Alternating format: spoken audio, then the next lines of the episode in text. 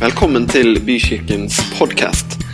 For mer informasjon om oss cvvvbykirken.no.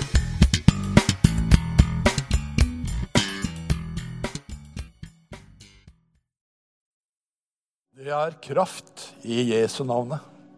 Er ikke det utrolig? Tenk første påskedag. Det er vel kanskje noe av det mest eh, Det er jo en søndag som eh, Hva skal jeg si overgår i hvert fall alle andre søndager. Eh, vi har lagt bak oss ei uke, skjærtorsdag, langfredag og det som skjer på langfredag, da Jesus blir spikra på korset. Der bærer han alle våre sykdommer. Han tar på seg våre plager. Legedom blir gitt ved hans sår og rettferdiggjort ved hans død. Det er langfredagsbudskapet. Jeg har lyst til å bare være litt frimodig og litt ærlig på det. Eh, noen dager før vi gikk inn i påskeuka, så var det en tekstmelding på, som ble sendt til meg. Det var eh, en i nær eh, familie. Og så vedkommende, skriver vedkommende 'Kan du be for meg?' Fordi at jeg har hatt hoste i 14 dager. Og jeg er vanligvis aldri sein med å be, så jeg skrev tilbake 'Jeg ber nå'. Så jeg la fra meg alt, og så ba jeg kort bønn. Men så ble jeg minna om at det der, Bjarne, det, det var Den hellige ånd som sa til meg at nei, du skal faktisk be vedkommende å legge hånda på lungene. Og så skal du være frimodig, og så skal du be ei bønn, men da skal det skje et mirakel. tenkte jeg nei, det er nesten for ille. Men jeg gjorde det. Og dagen etterpå, hva, hva som tikker inn da? Da ringer vedkommende, og så sier hun Det var pappa, da. Hun sa, 'Pappa, i løpet av natta så løsna alt.' Herren, han er utrolig god. Og jeg liker det vanlige, hverdagslige opplevelsen med Herren. Det er fantastisk når vi ser og hører at folk både vekkes opp fra døde, for det skjer, og at mennesker blir, kommer seg løs rullestol og gjør name it. Det er veldig bra. Men kanskje i din hverdag så er det sånne små ting som gjør at troen på Jesus blir styrka. Og For meg var det en sånn aha-opplevelse at Herren han er virksom enn i dag. Og så i dag tidlig du vet at Når du har flaggstang på ei tomt, da betinger det noe. Du kan henge en vimpel der. Det er det vanligste du gjør. Men i dag så tenkte jeg dag må jeg henge ut flagget. Og Jeg sto opp klokka, jeg sto før det, men klokka åtte så gikk jeg ut. Og så er det i det byggefeltet der, så er det bare vi som har flaggstang. Og når flagget gikk til topps, da kjente jeg at for et vitnesbyrd korset. Det var på en måte, det liksom slo inn i meg at ja, jeg får også lov til på en måte å bruke dette som et vitnesbyrd om at det er faktisk en spesiell dag. Og så På vei hit så sto, sto radioen på. Det var faktisk countrykanalen som sto på.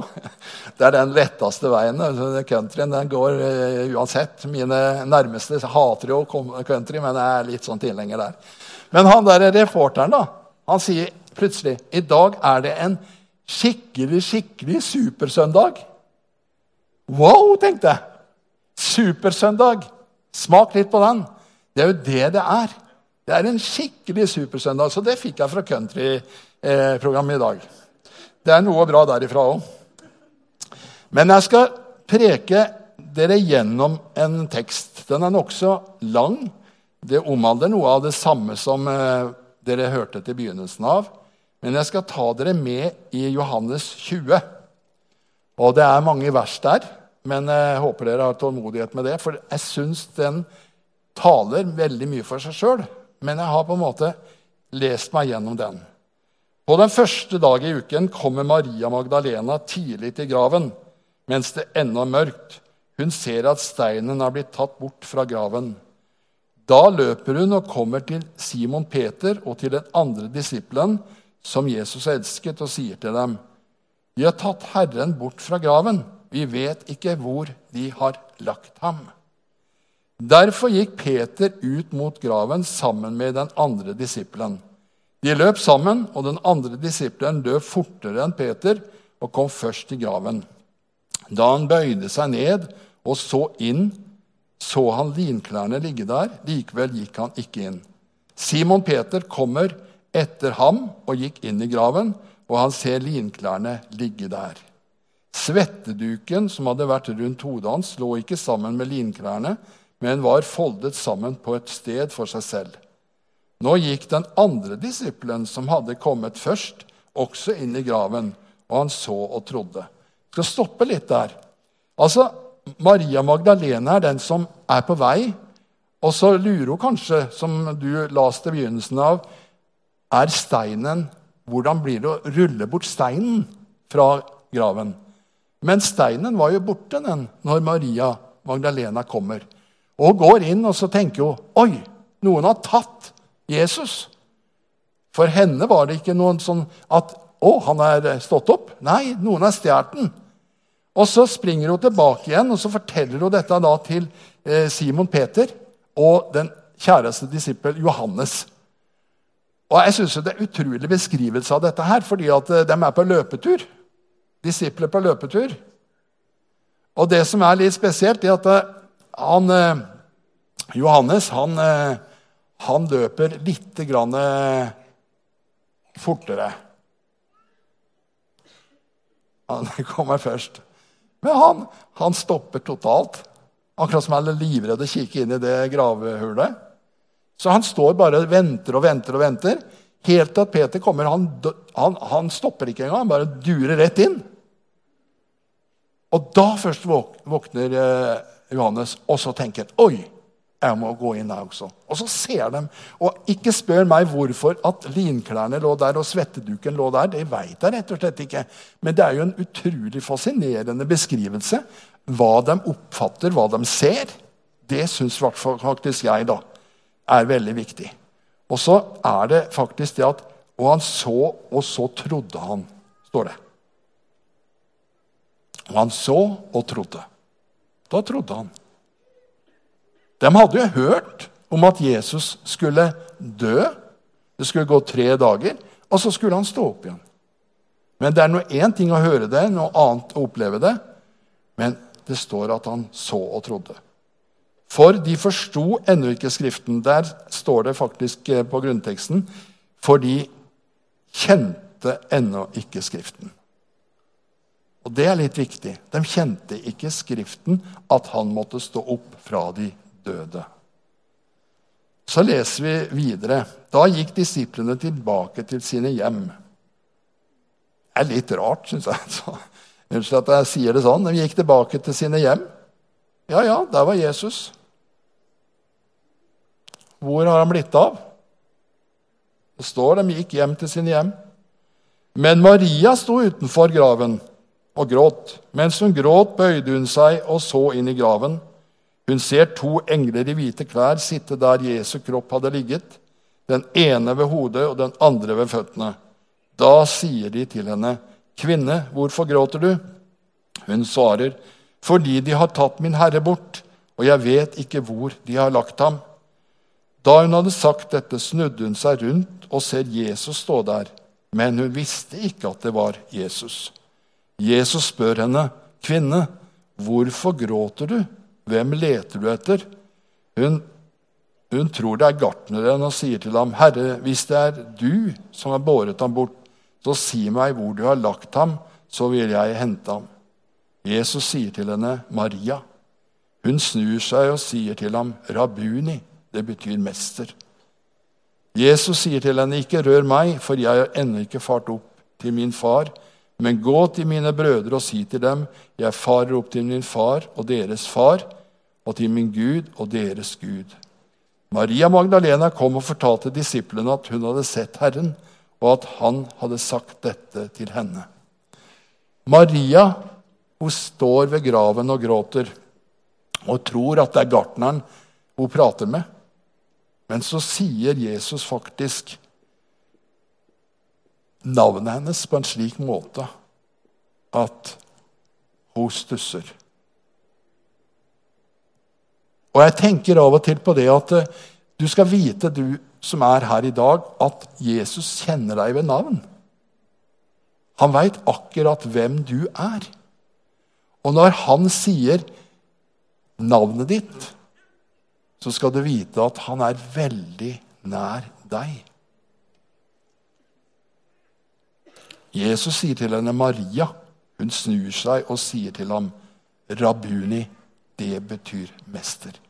Da skjønte Maria at det var mesteren selv som sto der foran henne. Men på grunn av at så sier han at det ikke rør meg, fordi han har ennå ikke faret opp til himmelen og satt seg ved Faderens høyre hånd. Jeg syns det er så trygt, noe trygt ved dette her, at Jesus i sin måte, selv hvor ulykkelig, hvor sorgfull Maria var, så er det noe med Jesus sin henvendelse til denne dama som gjør inntrykk på meg. Og det skal du vite at Jesus han bryr seg om deg, han bryr seg om meg, han bryr, bryr seg om oss alle sammen. Og han er på leiting etter oss.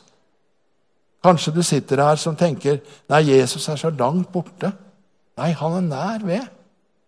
Nær ved den som påkaller hans navn, står det.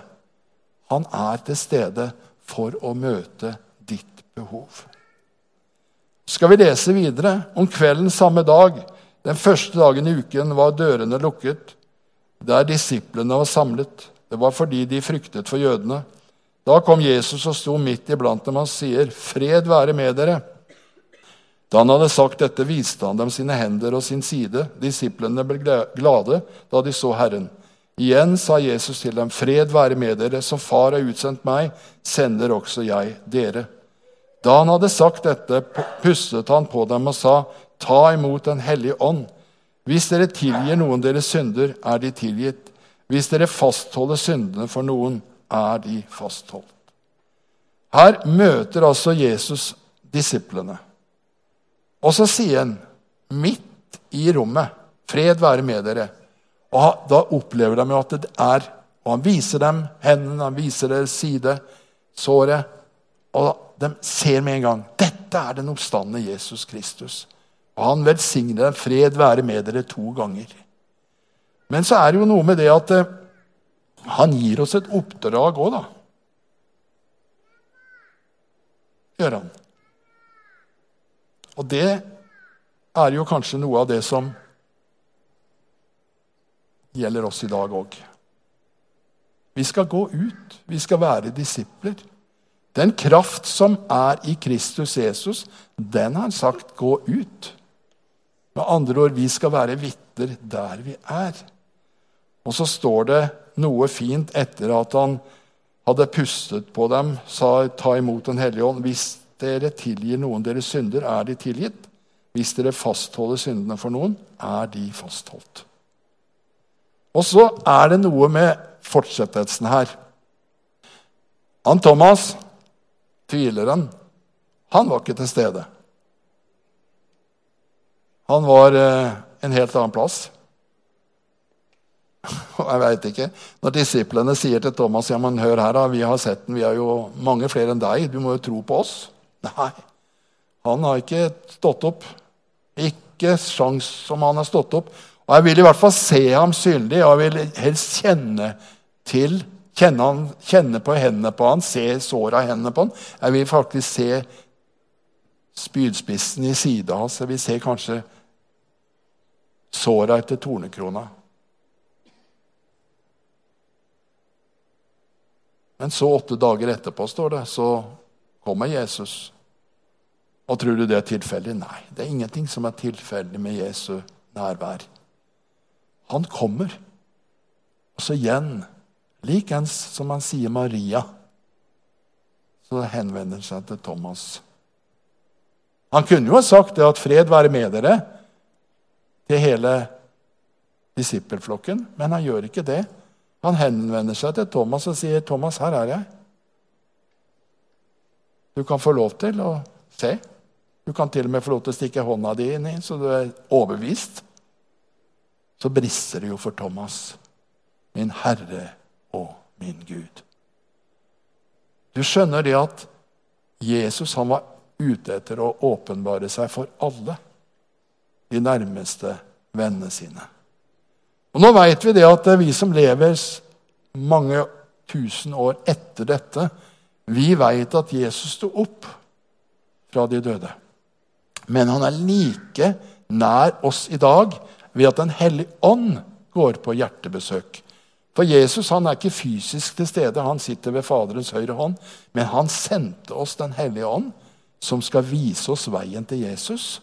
Og Den hellige ånd er den som taler oss til en omvendelse til Jesus. Men så er det noe som står i eh, første Korinterbrev, som er interessant. Der står det i kapittel 15 og fra vers 14. Og hvis ikke Kristus er oppstått, da er vår forkynnelse uten innhold, og troen deres er også uten innhold.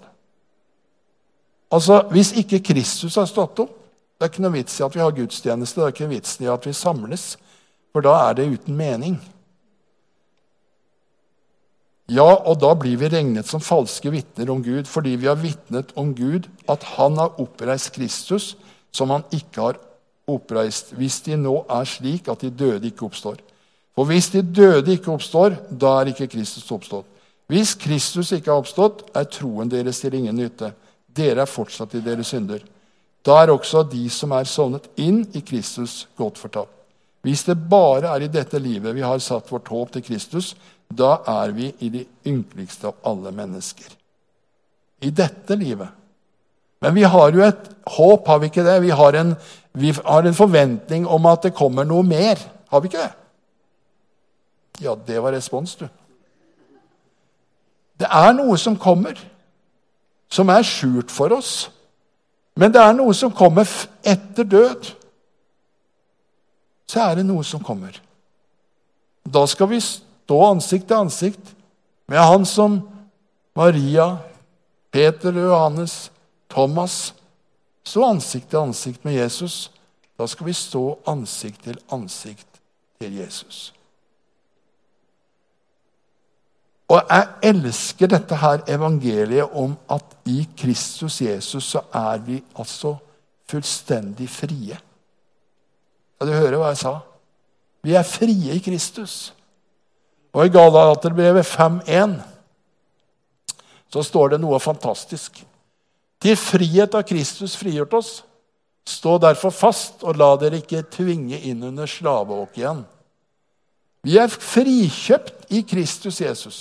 Hva vil det si? Jo, vi er kjøpt fri fra synd. Vi er kjøpt fri fra all anklage. Vi er kjøpt fri for å leve sammen med Kristus. Vi kan male Kristus for våre, vår, både øyne og hjerte og kjenne at i ham så er vi fullstendig fri. Det er lite jubel her. Unnskyld at jeg sier det på den måten. Men har noen vært på en fotballkamp oppe med handa? Ja, det var noen som har vært det. Jeg har aldri sittet på en fotballkamp der jeg sitter på stolen og så tenker jeg at ja, der scora han, ja. Det var bra, det. Det var virkelig happy. Egentlig. Vet du hva? Det er jo sånn at det er overdøvende.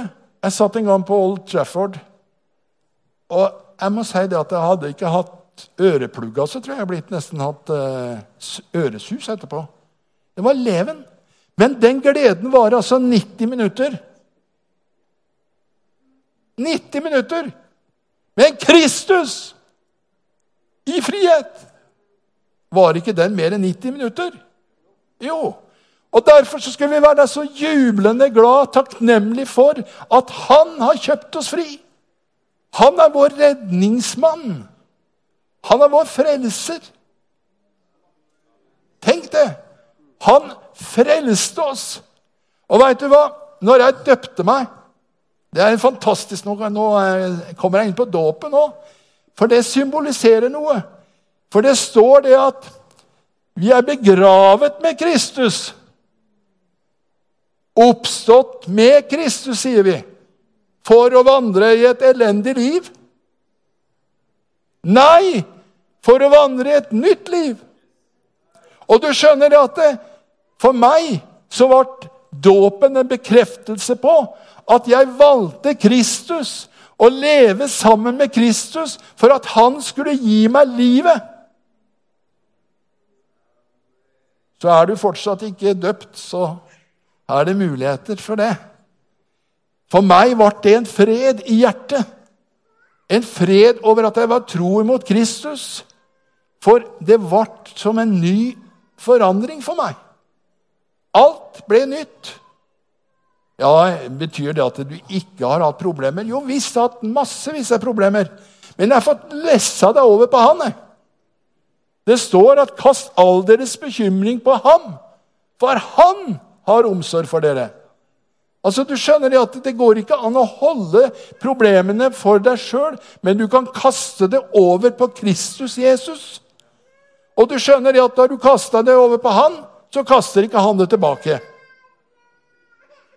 Du vet at Hvis du sender i vei ei lita lekse mot noen som du syns har vært urettferdig, så kan du være trygg for at du får tilbake noe.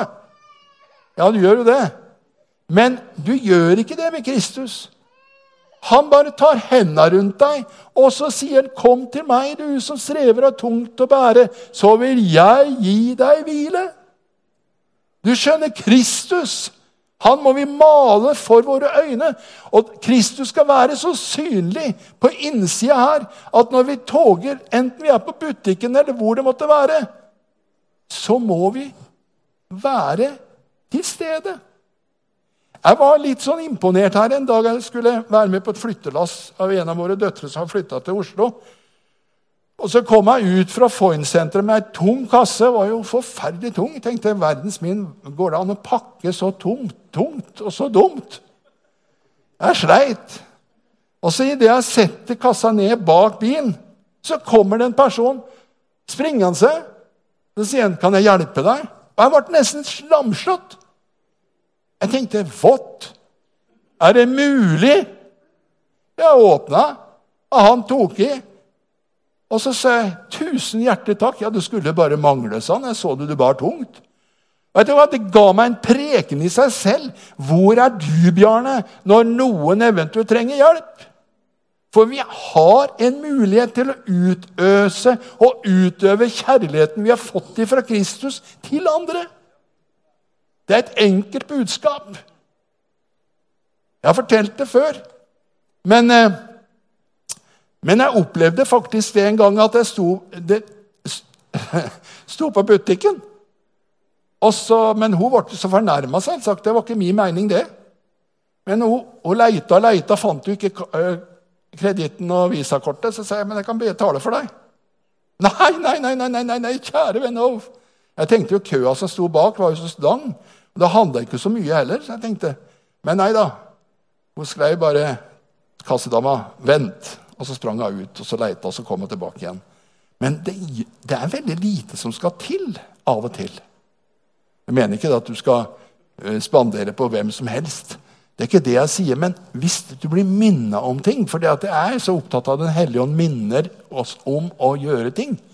Hvis vi er i dialog med Herren, så er vi i dialog, og Han taler gjennom oss. Derfor har jeg lyst til å utfordre oss i dag Tenk at Jesus har stått opp med en hensikt. Det er at den kraft som bodde i han, den har også vi tatt del i. Og større ting, står det, skal vi få lov til å utrette. Og Derfor er min utfordring vi skal tjene ham. Vi skal gå ut med det glade budskap. Vi skal ikke, vi skal ikke skjemmes over at vi er Guds barn. Vi skal heller fryde oss over det, at vårt navn er skrevet i livets bok. Du skjønner det at Jeg tror at Thomas han ble nok tatt veldig på senga, hvis jeg skal bruke et sånt uttrykk. Men det han utbryter, det sier noen ting om den gleden. Min Herre og min Gud! Ikke sant? Det er en sånn begeistring i det. Og Jeg vet ikke når du ble frelst, men for min del, når jeg ble frelst, da ble det sånn Da skjedde det noen ting for meg. Jeg ble begeistra for Jesus. Og da spurte jeg jo ikke om altså, Den gangen så var det ikke så mange som kjørte noen. altså Mine foreldre kjørte meg ikke rundt omkring sånn som i dag. I dag er det som bringe- og hentetjenestene. Dere er jo nesten på curlingbanen hele tida, for dere soper foran kula. Jeg veit litt om det, for jeg har noen barnebarn. Så det er sånn det er. Men den gangen så var det sykkel. Og jeg sykla fem kilometer tur-retur til møter. Altså ei mil sykla jeg etter at jeg ble frelst som tolvåring. Jeg måtte på alt. Jeg var jo sånn altoppslukende. Men det var jo fordi at Jesus hadde kommet inn i hjertet mitt. Hadde møtt han, den levende oppstandende Jesus. Og det satte fyr, bokstavelig talt, i pumpa. Og Jeg ser for meg at vi skal være en generasjon, dere, på tvers av generasjoner. Om du er 80 eller 90 år, du blir aldri for gammel i Guds rike. Du hørte det riktig. Bønnens makt er stor. Og de gode rundstykkene som bestemor baker, er veldig gode. Som kan bli til velsignelse for barn og barnebarn og kanskje et nabolag. Og ikke minst, de unge kan få lov til å lene seg inn til din skulder og kan få lov til å lære massevis visdom. Og til dere som er unge, vil jeg si det at det, det er så viktig å ha hjertet planta i Kristus føttene planta i Kristus, da er det oppstandelsens kraften som vi har i Kristus. Amen.